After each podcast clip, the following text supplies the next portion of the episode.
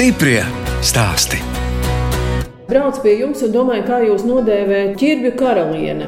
Nē, es sev tā nesaucu, tā draugi mēdz saukt. Bet eh, kādus gadus atpakaļ bija tāds labs virsraksts ķirbju kurs. Kāpēc ķirbju kurs? Mana izglītība ir saistīta ar um, pedagoģiju. Pēc izglītības esmu kordiriģente. Tad nu, tas mans kurs ir ķirbju kurs. Tā sevi raksturo Ilze Venterzute no Tukuma novada Pūras pagasta klibdapsām. Es, žurnāliste Daina Zalamane, šoreiz ciemojos pie ģimenes, kas ir viena no lielākajiem ķirbju audzētājiem Latvijā un ķirbjus audzē 50 hektāru platībā. Ilze Venterzute dzīvo Tukumā, bet bērnību pavadījusi laukos Pūras pagastā. Kad citi Deldēja pilsētā strādāja laukos. Vai sliktas atmiņas? Es domāju, ka labas. Es domāju, ka daudzi tajā momentā mani neapskauda, un es apskaudu tos, kas bija pilsētā. Bet tagad es savādāk uz to visu skatos. Un tā arī manas meitas teica, tad, kad um, citi brīvlaikā dzīvoja pa pilsētu un darīja neko, tad um, vienmēr bijuši lauki. Pienākums vienmēr ir augstāks nekā gribēšana. Vairāk kā 30 gadus tirgojām tirgu visu pēc kārtas, kas auga. Bija daudz, kas bija kartupeļi, bija burkāni, bija vietas, bija sīpoli. Un kur bija tirgus tukums? Tukums, tirgus. Jā. Par cik māmas saknes bija šeit, lauka māja laiku griežos vienkārši noslaucīja no zemes virsmas. Uzcēla jaunu divstāvu māju, kurā arī bija dzīvoklis. Tad no tā dzīvokļa nonācām Kliblapsās. Tā tā māja saucās, un tad, kad dibināja saimniecību, Mēs kaut kā izvēlējāmies tās kliblapsas. Māma teica, nevajag kliblapsas, klibosim. Bet mums kaut kā bija pie sirds un likās tā kā nevienam. Tā māja ir kalna galā, kleķa māja, kurā tagad nedzīvojam, diemžēl, bet nosaukums skaists. Tukumnieki tomēr ir slaveni kā tādi lieli rožaudzētāji. Kāpēc tie dārzeņi nevis rozes? Mēģiņa bija, kas tik nav darīts, lai to zelta rublu nopelnītu. Jo tas zelta rubls tomēr valda to pasauli, vai mēs gribam, vai mēs negribam. Kad vaicāju, kāpēc Ilze beidza kordiriģentus Jaungavas mūzikas vidusskolā, viņa stāsta, ka ietekmējusi tēva interesi par mūziku. Papiņš bija muzikants no savas būtības, bez lielām skolām, bet tajā laikā jau palīdz spēlējot un kāzas spēlējot, varēja ģimeni pabarot. Viņš spēlēja taustiņu instrumentus, gan klavierus, gan akordionu. Aizsūtīja jūs uz mūzikas skolu? Nē, viens man nesūtīja. Man kaut kā likās tajā momentā, ka tam tā jābūt. Tur es gan beidzu flautas klasi, un tad es vidusskolā stājos arī uz flautas klasi. Bet laikam nebija gana labi sagatavojusies. un eh, tajā laikā palika brīvas vietas diriģēšanas nodaļā, un eh, sapratu, ka nemaz jau tik slikti nav. Kādu kori arī vadījāt? Nē, nevadīju. Tik cik skolas laikā. Bet tā lielā mākslas dzīve, es domāju, ka tā tomēr ir piemērota vairāk vīrietim, nevis sievietei. Jo sestdienas, svētdienas vakarā visa pašdarbība ir ārpus, kaut kad arī ir jābūt mājās. Un vienkārši tā sanāca. Tad nāca ģimene, bērni, vispārējais, viss gāja ņēgu, ņēgu, un tad jau sākās saimniekošanas laika, un pat nenožēloju, ka to nedara. Mājām tāds neparasts nosaukums kliblapsas, bet no vīra jums arī tāds ļoti neparasts uzvārds - Ventera Zute. Jā. Arī nevis vienkārši Zute.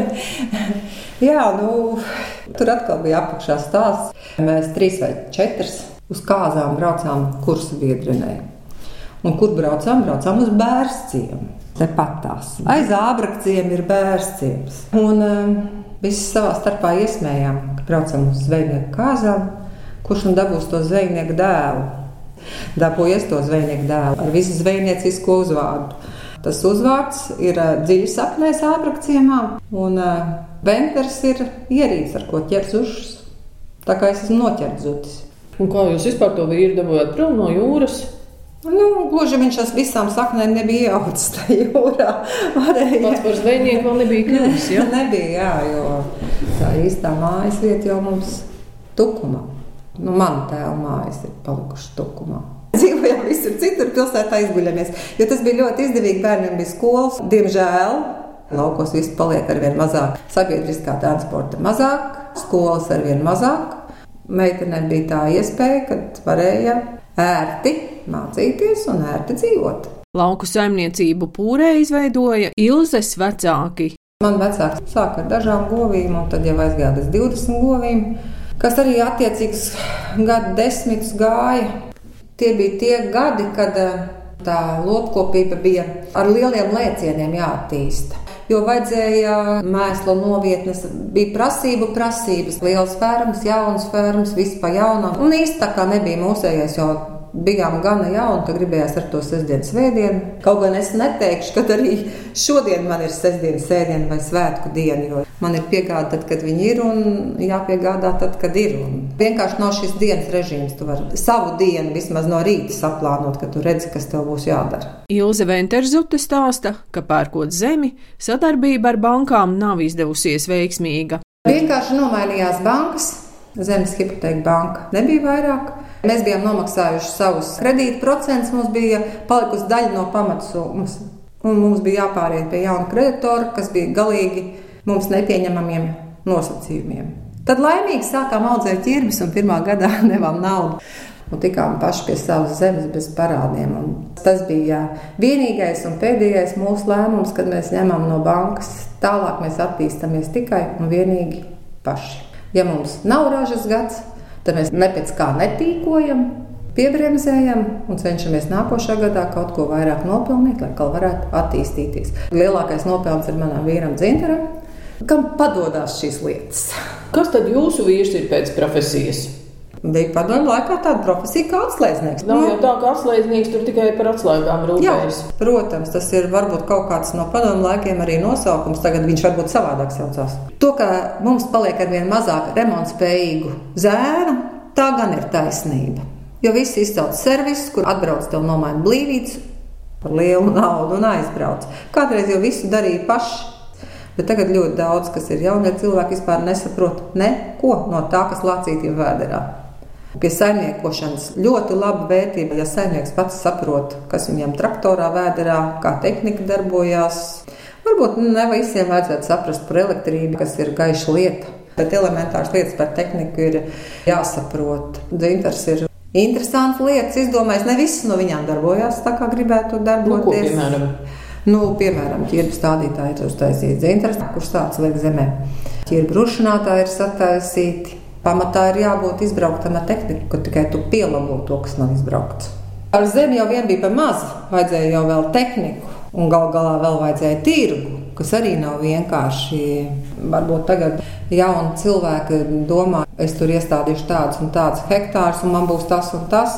Pirmkārt, ir jāizaug, otrkārt, ir jāatrod tirgus. Un, ja nav pieprasījumu, tad tā prece nevienam nav vajadzīga. Un tad izrok lielu bedru, viss samet iekšā un aizrok ciet bez mazliet. Stiprie stāsti!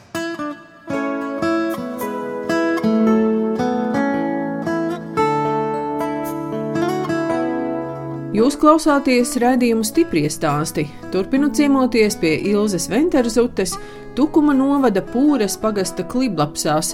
Viņa kopā ar ģimeni, vīru un meitas ģimeni apstrādā gandrīz 80 hektāru zemes un 50 hektāru platībā audzē ķirbjus.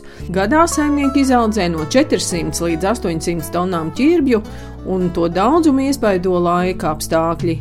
Ķirbjus saimnieki sāk audzēt pirms 13 gadiem, pēc zemnieku kooperatīva mūsu māju dārziņa ierosmes. Ilze stāsta, ka ķirbjus audzēt mācījušies strādājot un novērtē veiksmīgo sadarbību ar veikalu tīkliem. Kliblapsās neaudzē tā dēvētos lielos vecmāmiņu ķirbjus, bet dažādu šķirņu un nelielus ķirbjus. Vecmāmiņas šķirne ir tā, kad eh, mums aug ķirbi laukā, mums šis ķirbis patīk. Mēs paņemam sēklu no viņa, iesējam vienu gadu, iesējam otru gadu, un trešā gadā viņš vispār pilnīgi savādāks izaug. Un tad mēs atkal no lauka izlasām labāko un atkal sējam no jauna iekšā. Tā radās šis vecmāmiņas ķirbis, kam ir nenoturīgs izskats, nenoturīga garša. Mainās. Jā, mainās. Viņš skaldās un viņš mainās. Mēs kliplapsās katru gadu pērkam visas sēklas no jauna, no labām sēklu firmām. Droši vien arī nu, vieglāk ir pārdot tos mazos ķirbīšus, nevis ja tur ir 300 kg liels, kurš ir jāsadala un momentā jāiztirgo. Tā kā es saku, jāsasauc visi ciems vai visa ģimene, jā, un tad jādala pa labi, pa kreisi. Mēs ar ķirbju audzētāju Ilzi Venterzuti tiekamies Kliblapsu noliktavā Pūras pagastā, bijušajā sienas šķūnī, kas siltināts un piemērots ķirbju uzglabāšanai. Noliktavas galā izbūvēts arī neliels ofis. Apspriež telpa. Un ko jūs apspriežat? Nu, tad, kad jūs atbrauciet, tad, kad mēs gribam pasēdēt, tad mums ir pasēdēšanas telpa. Zēlu šo oficiālu, un es domāju, kas tajā oficiālā sēdēs. Bet tagad īstenībā ir tik ļoti jauki, vienkārši, ka ir kur pasēdēt. Nav jāsēž gluži noliktavā. Jā. Lejā tur, laikam, bija arī telpas darbiniekiem. Jā. Un te visas tās milzu tonnas varat arī noglabāt. Jā, visur ir tikai konteineri, pilni tukši konteineri līdz pašam galam. Nu, piemēram, konteineriem, nu, tad tur ir svarīgi, cik tur liels ir tās atstarpes starp tiem O, jā, tieši tā. Lai viņš būtu izturīgs un eh, ar kariņiem viņus cilājot, viņš ilgāku laiku kalpotu. Lai būtu viegli iekšā ieliekties un izņemt ķirbis, jo tas viss ir roku darbs. Mazgāt te neko nemazgā, visu notīra abrazīviem cimdiem. Jo tikko nomazgāsim ķirbi, tā viņam šī vaska kārtiņa nost un eh, glabāšanās laiks ir ļoti īss. Tas tā kā abolam. Es vienmēr saku, ķirbis ir kā abols. Ir vasaras abols, ir rudens abols un ir ziemas abols. Un ķirbis tieši tāpatās. Nu, redz, tagad pie jūsu noliktavu, vai tā var teikt, ka tos ķirpus jūs glabājat tā kā ābolus, konteineros lielos un kā? Un tad ir visiem iespējamiem metodēm jānotur savs gaiss. Skatos, kā jūs sverat, cik tur ir tajā vienā maisā iekšā. Skatoties, kādi ķirbi ir pa 10, ir pa 11, ir pa 15 kg. Ķirbim varbūt ka tas maisa nav tas labākais, bet tas ērtākais. Noliktavā ķirbjus sver un fasē arī Ilzas meita Dace, un viņa stāsta, ka šeit visi dara visus darbus. Vāc ķirbjus, ravē dārzu, ja vajag, ja vajag raksta papīrs. Kā ir strādāt ģimenes uzņēmumā? Viegli nav, bet no otras puses atkal tev ir atbalsts no ģimenes. Jo, kad viss saskrien kopā, tad viss viens otram palīdz. Pie katriem darbiem, gan pie papīriem, kad nāk pārbaudas, vai kad liela kravjātais, viss sanāk kopā. Neviens neatsaka. Un tad nevar skatīties uz tām darba stundām, vai ne? Tad nevar. Darbs ir jāizdara. Nu, redz, kā jūs katru to ķirbīti vēl tur tā noslaukat, lai viņš tāds skaistāks, lai tur nav tur tie zemi redzēt. Jums ar tie ķirbi tā patīk kā mammai. Gribētu teikt, ka jā. Un es saprotu, ka jūsu vīrs arī tepat strādā, darbojas. Jā, nu, tad ejiet mammas pēdās. Tad jau redzēsim, cik dziļas pēdas būs. Sarunu par ķirbju audzēšanu turpinām oficiālā. Ilze stāsta, ka vairāk nekā 100 tūkstoši ķirbju stādus no sēklām paši izaudzē neapkurināmos plēves tuneļos. Ķirbis ir ātraudzīgs un viņš grib siltumu. Jo adaptējās jau vieglāk maziņš, arī bērniņš adaptējās vieglāk maziņš nekā pieaudzis. Arī ķirbis ir tāds pats bērniņš, kas ātrāk adaptējās maziņš nekā liels. Kad iziet ārā, viņam ir jāizdzīvo pašam. Kas notiek, ja uznāk salmas? Tad ir ļoti slikti. Tāpēc ir jāizstāda, lai neuznāktu salnas. Un, Protams, ka neviens neesam pasargāti no jūnijas salnām. Tā, nu, Nu, pat. Jāņos es atceros, saku, ir bijušas naktis. Jā, jā, mēs esam salmas kūpinājuši. Bet uh, ar to kūpināšanu arī ir piedzīvojumi. Tas arī izrādās ir jāmāk kūpināt, lai viņš nenodeg, bet viņš kūp. Un jāskatās, kur vējš pūš, jo savādāk mēs pūles izmēģinājumu stacijai nosargājam aprikozes un persiku dārzu, un mūsu ķirbu laukiem aiziet dūmi garām. Tā arī ir bijis. Kā ir mums bioloģiski visādi pretsalnu līdzekļi, neteiksim, ka viņi pasargā no salnas, viņi palīdz izdzīvot salnā, es teikšu tā. Lai ir mazāki zudumi un lai tas stādiņš, lai viņš ir stiprs. Visu laiku ir jādomā par to, lai viņš ir veselīgs, tad viņš arī būs stiprs. Uz visu salnu, uz vēju, uz augstumu, karstumu, ūdeni.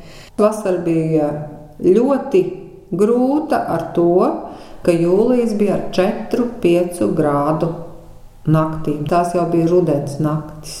Pa dienu temperatūra vēl bija virs 20, tas ir viss normāli. Tad naktis bija ļoti, ļoti, ļoti augstas. Un eh, tie, kas augļi aizmetās no stresa, nokrita. Tad atkal vajadzēja labi barot, lai vismaz nenokrīt viss. Un ar to mazāk raža. Jā, 63% no visas ražas šogad. Mazāk darba, droši vien mazāk ienākumu, bet arī mazāk izdevumu vācot. Ķirbu laukos ir 12 dažādas pamatpozīcijas. Ir cepama ķirbs, ir rieks ķirbs. Tad kāds ir izturīgāks uz laika apstākļiem, kāds ir mazāk izturīgs. Tā raža jau tad sanāk. Jo, ja visos šajos laukos man augtu vienādi ķirbi, Nu, loģiski, ka es viņus norealizēt nekad nevarētu, tirgu nevarētu atrast visiem vienādiem. Paši mēs tirgojam Latvijā caur lielveikalu tīkliem. Pagaidām mums vēl pietiek ar šo tirgu, tad sevišķi ir šāds gads. Šis gads mums tādā ziņā atkal ir viegls, ka daudziem neizauga, diemžēl. Bet uh, man ir pašai ļoti žēl, ka man tik maz izauga. Ir vējaināki lauki, ir mazāk vējaini lauki. Pirmkārt, mums ir zeme ļoti dažāda. Otrkārt, stādot nekad tu neiestādi vienā dienā. Man šis stādīšanas posms ir divas, trīs nedēļas. Līdz ar to, kāda ir pirmie un kāda ir pēdējie, tur arī ir atšķirības. Tad, kad viens jau ir noziedējis, otrs sāk ziedēt, varbūt tam pirmajam ir pa augstu, un otrajam ir kā vajag, jo viņš vēl nezied, un otrādi. Tāpat arī nābolam jau ir tas šķirnes, viņiem ir dažādas, un viss nezied vienā laikā. Kā jūs vispār vairāk nu, viņus saucat, kā es lasīju, riekstu, muskata, sviesta, Japānas svaigi ēdamais vai cepšanai, sulai, svaigai ēšanai, kā jūs pati viņus darāt? Oh, cepšanai, sulai, svaigai ēšanai. Tas ir uh, veikala termins, lai pircējs varētu saprast, ko tad ar viņu darīt. Jo ne jau visi zina, ka cepam ķirbis ir Hokkaido ķirbis ka sulu ķirbis ir muskatu ķirbis, un muskatu ķirbis nav tikai šis milzīgais ķirbis, ka tur ir dažādi ķirbi, ko varbūt arī katram nevajag zināt. Bet ko tad Latvijā visvieglāk pārdot? Tādas lietas, ko viegli pārdot, nav. Es vienmēr saku, labs ķirbis ir pārdots ķirbis. Ja pagājušajā gadā visi ēda tikai cepam ķirbi, tad šogad ēda visi tikai rīks ķirbi. Kāds tam pamatojums? Nezinu. Tur loģikas nav nekādas. Kurš jums pašai ķirbis vislabāk garšo? Nu, es droši vien, ka paliek pie cepam ķirbi vai pie Hokkaido, vai viņš ir zaļais Hokkaido vai oranžais Hokkaido. Tie ir laikam mani top ķirbi. Ļoti daudziem patīk sviesta ķirbis, ko var visādiem gadījumiem arī lietot. Tā ir tāda ķirbju laboratorija, kas pašam jāizmēģina. Vienu ķirbi dažādi pagatavojot, dabūjam dažādas garšas, un tas, kas rudenī garšos, varbūt pavasarī negaršos, jo viņš glabājoties atkal mainās. Tā kā ābols, kas jāpēd rudenī, tas ir jāpēd rudenī, jo pavasarī viņš paliek miltains un pārgatavojies. Tiem ķirviem, kāpēc ir tik ļoti cietas tās mizas? Tas Mīd. no šķirnes atkarīgs? Jā, protams, ka no šķirnes atkarīgs, bet labā ziņa, es vienmēr saku, ir tā, ka to, ko nevar nomizot, nevajag mizot. Vajag pagatavot ar visu mīzu. Ieliekam cepešu krāsnī, smuku atcepās no biezās mīzes. No, tā kā ja? karoti izņem ārā un viss. Ar šo eh, cenšanos ilgāk saglabāt, arī rodās šīs biezās mīzes. Selekcionāri rada katru gadu ar vienu kaut ko jaunu, rodas ar vienu protams, šķirnes. Jā, protams, ka rodas jaunas šķirnes, kuram nav nosaukuma. Kaut kādi daži burti un daži cipariņi, bet nu, laikam tāda ir tā nākotne kā tomātiem, gurķiem un visām citām lietām. Ja tu atrod labu šķirni, kas ļoti labi aug, tad zinām, ka pēc diviem, trim gadiem viņi vairs nebūs, jo būs kaut kas līdzīgs jau. Ilze vērtē, kā strādāšana laukos ietekmēs jaunās prasības nozarē. Man liekas, ka ļoti nesamērīgas ir šīs buferjoslas, ko tu nedrīkst miglot ap mājām, ap upēm un tā tālāk. Un arī godīgi sakot, ko darīt zemniekam, kam ir 5 hektāru lauks un viena lauka mala ir gar upi. Ja tev ir eh, meliorācijas grāvis, gar to tu arī nedrīkst, jo tas ūdens tev aiztek kaut kur upē. Ja? Tad eh, kaut vai viņas būtu trīsmetrīgas šīs joslas. Tad visam laukumam apvalkot riņķi. Zemes platība samazinās. Protams. Un kas šī vietā aug? Nu, protams, auga nezāles. Es pat neiespringšu visās šajās prasībās par eh, visādiem jauninājumiem, par neārtām zemēm, kas man ļoti sāp. Jo eh, es, piemēram, nekad nebūšu piekritēji, ka nekam nevajag arta zeme rudenī. Jo dārzenis ir dārzenis, un mums ir laika apstākļi tādi, kā ir. Mums ir jāizsals zemē lai viņi būtu irdeni un viņi varētu elpot. Bet, ja es viņu neāru un viņi paliek kleķaini, tad neviens ķirbis man šī nospiestajā zemē neaugs. Bet, bet tas zaļais kurs, jau es domāju, Eiropas nospraustais, tas jau tomēr ietekmēs visas lauksaimniecības. Protams, mums visiem ir par ko uztraukties. Par šo um, ķīmijas samazināšanu, jo man liekas, ka mēs jau tā neko tur nekaisam virsū salīdzinoši ar Eiropas valstīm, kas jau bija jau jau Eiropas Savienībā un kam bija Eiropas subsīdijas. Eiropa nospraust kursu, bet tas kurs dažādi tulkojās, vai mēs būsim butu kalpi vai mēs mēģināsim dzīvot tā, lai mēs paši ražotu, nevis lai visu vestu iekšā. Un ievērojot šo Eiropas kursu, mums nebūs lētākais. Un tad eh, pircējs daudz nedomādams, viņš nopērk lētāko un skaistāko. Tas tāpat kā rābola, Jā. Mēs Jā. runājam par to, cik labi ir vispār neko nemiglot, un, un tur ir tie tārpiņi. Ja tur ir mazs kraupīts vai tārpiņi vai kaut kāds ārprāts, un tad ko mēs gribam? Mēs gribam zaļu vai miglotu un tīru. Stiprie stāsti.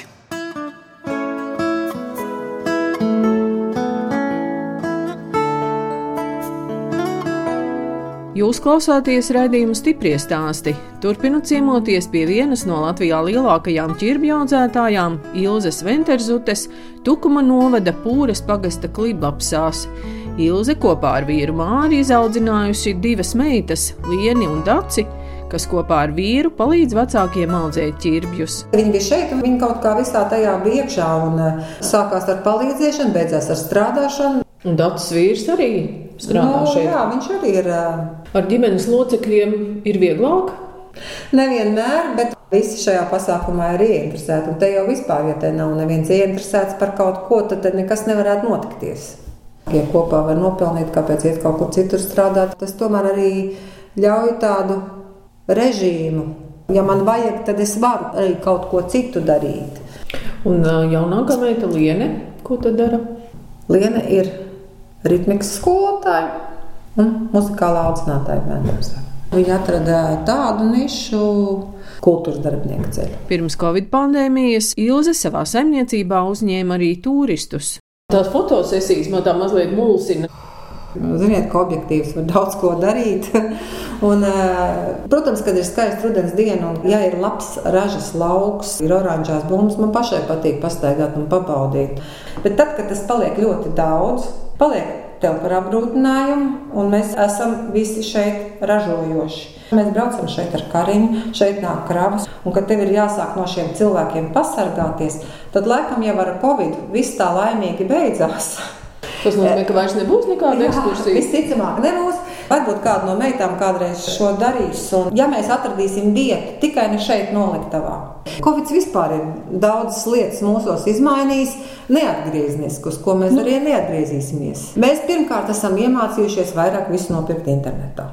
Es ietu veikalā, vairāk tur nerīvējos viens gar otru. Es man kaut kādā laikā vēl skan tie divi metri ausīs.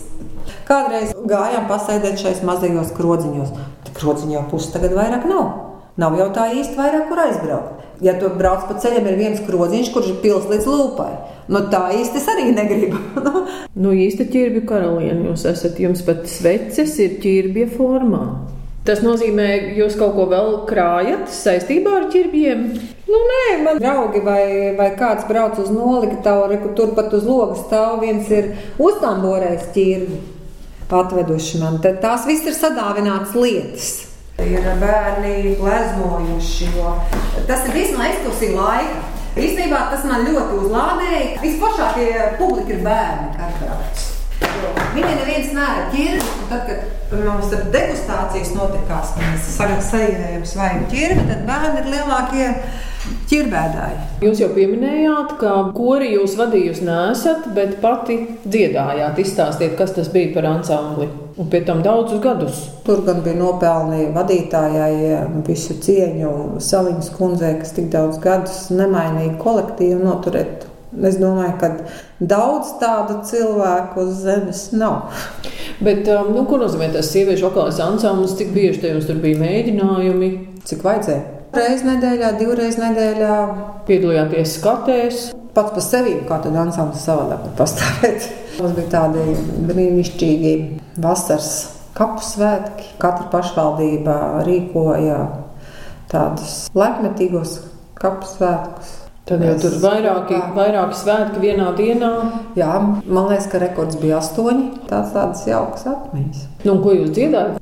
Sākot ar baznīcas dziesmām un beidzot ar visādām laikmetīgām dziesmām. Nu, bet arī balss, daudz balsīgi. Jā, jā, protams.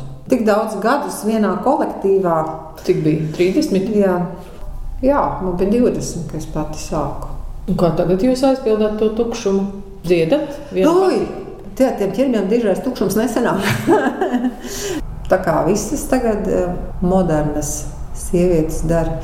Nodarbojos ar fiziskām aktivitātēm ziemā, kas varbūt drusku pietrūks, lai vasarai vieglāk kustēties. Tā kā Igrojam, papildām un, varbūt jauna niša, kas man varbūt ļoti aizrāvusi, ir dārsts. Arī rozes. Un, uh, esam ar vīru aprakciemā, mēs esam iestādījuši rododendru dārstu. Man laikam patīk nezināmajā mesties iekšā. Sāku pirmo stādīt, vispār nesapratu neko. Tagad mums ir pār pa simtam iestādīts, bet uh, jauna aizraušanās, jauna cīņa, lai tie pumpuri veidotos, lai augtu, lai uh, viss būtu kā vajag, un tā baudīšana un prieks. Jūs ar kādu vēl sapņi? Mazāk strādāt. Iemācīties varbūt nekalt plānus, jo tu jau esi tā noslogots. Bet tad, kad tev ir brīvs brīdis, tad tev radās doma, es vēl varētu šito. Būtu daudz blakus lietas, ko mēs varētu no šī ķīra ražot. Vai es gribu tik daudz strādāt? Un, laikam, tomēr negribu. Un uzturēt kādu lielu uzņēmumu es arī vairāk negribu. Tas laika posms, kurš tiek patērēts šo izdarot, ko mēs izdarām no stādīšanas līdz novākšanai un notirgošanai, ir ļoti garš. Tas starposms paliek kaut kāds nu, divi, trīs mēneši. Un šos divus, trīs mēnešus, ko tad es daru? Meklēju sēklas, lai es atkal tūlītās varu stādīt no jauna sēklu jaunāk bija. Varēju sukādas taisīt, varēju sēkliņas grauzdēt un visādas saldumus taisīt no sēkliņām, tur ar šokolādi un karamelizēt. Tas tā kā ir izmēģināts, un vairāk nemaz negribās. Gribās vienkārši kaut kad, kaut kādu laiku pavadīt mieriņā. Un, ko tu darīji? Grāmatu lasāt kaut ko adāt? Tējas krūzīti. Vienkārši es varētu, es laikam tās lielās vasaras skrējienu varētu vienkārši sēdēt, skatīties ugunī un nedarīt neko.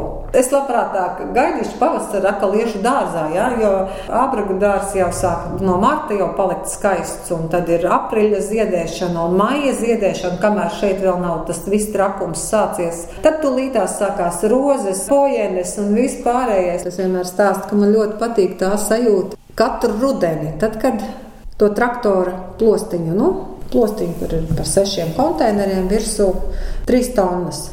Nu, tāda tā kā piekabīta. Jā, nu, jā tāda piekabīta bez bortiņiem. Tā kā tajā abās ielā tā, tā nobrauc lejā, pārbrauc pāri abavai, un šeit tāds jāstrāks kalniņš uz augšu, un tam traktoriņam tie zilie dūmi, ka iznāk ārā, ka tu saproti, ka tā piekāpe ir smaga un viņš sāk šopoties. Tā sajūta ir vissiltākā sajūta, ka tev nāk mājās. Ka nevelti tik daudz ir strādāts. Jā, nu nevelti, nu velti. Un ja viņi vēl ir skaisti, un tā kā šogad bija ļoti skaista, koša ienākusies raža, viņa nebija liela. Bija ļoti karsts augusts. Mums šogad, cik jūlijas bija augsts, tik augusts bija karsts. Divas nedēļas bija 30 grādu karstums. Sākām vākt 29. augustā, tad, kad viss bija tādā pilnbriedā. Gatavs, nekas nebija jāatstāj zaļš, viss pēc kārtas varēja griezt. Viss ir koši, arī pelēki ir koši rudenī, kad nāk mājās. Vai viņš ir zaļš, vai viņš ir pelēks, vai kāds viņam viss ir skaisti, kas nāk mājās. Un tad viņš ir tāds spīdīgs. Tas tā kā svaigi uzārta zeme. Svaigi uzārta zeme arī liekas, ka viņa ir, viņa ir smaržīga. Tā dzīves pieredze jau nāk paša pa sevi. Nekad nevajag teikt, Viņš man iedeva sliktu sēklu, vai man bija slikts laiks, vai vēl kaut kāds iemesls, kāpēc tev neizauga raža. Vajag vienkārši meklēt sevī vainu, ko neredzēju, ko neizdarīju, ko nepaspēju. Jo darbs lauksaimniecībā, ko tu neizdarīsi šodien, tu varēsi rītdien nedarīt. Jo tas būs par vēlu nokavēts. Tad to vilcienu izlaižam vagonu un kāpjam uzreiz nākošajā.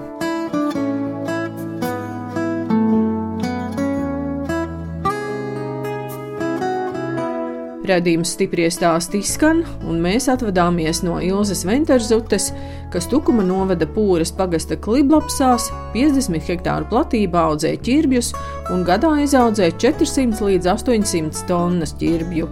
No jums atvadās žurnāliste Dāna Zalamane un operātore Inga Bēdele, lai tiktos atkal tieši pēc nedēļas.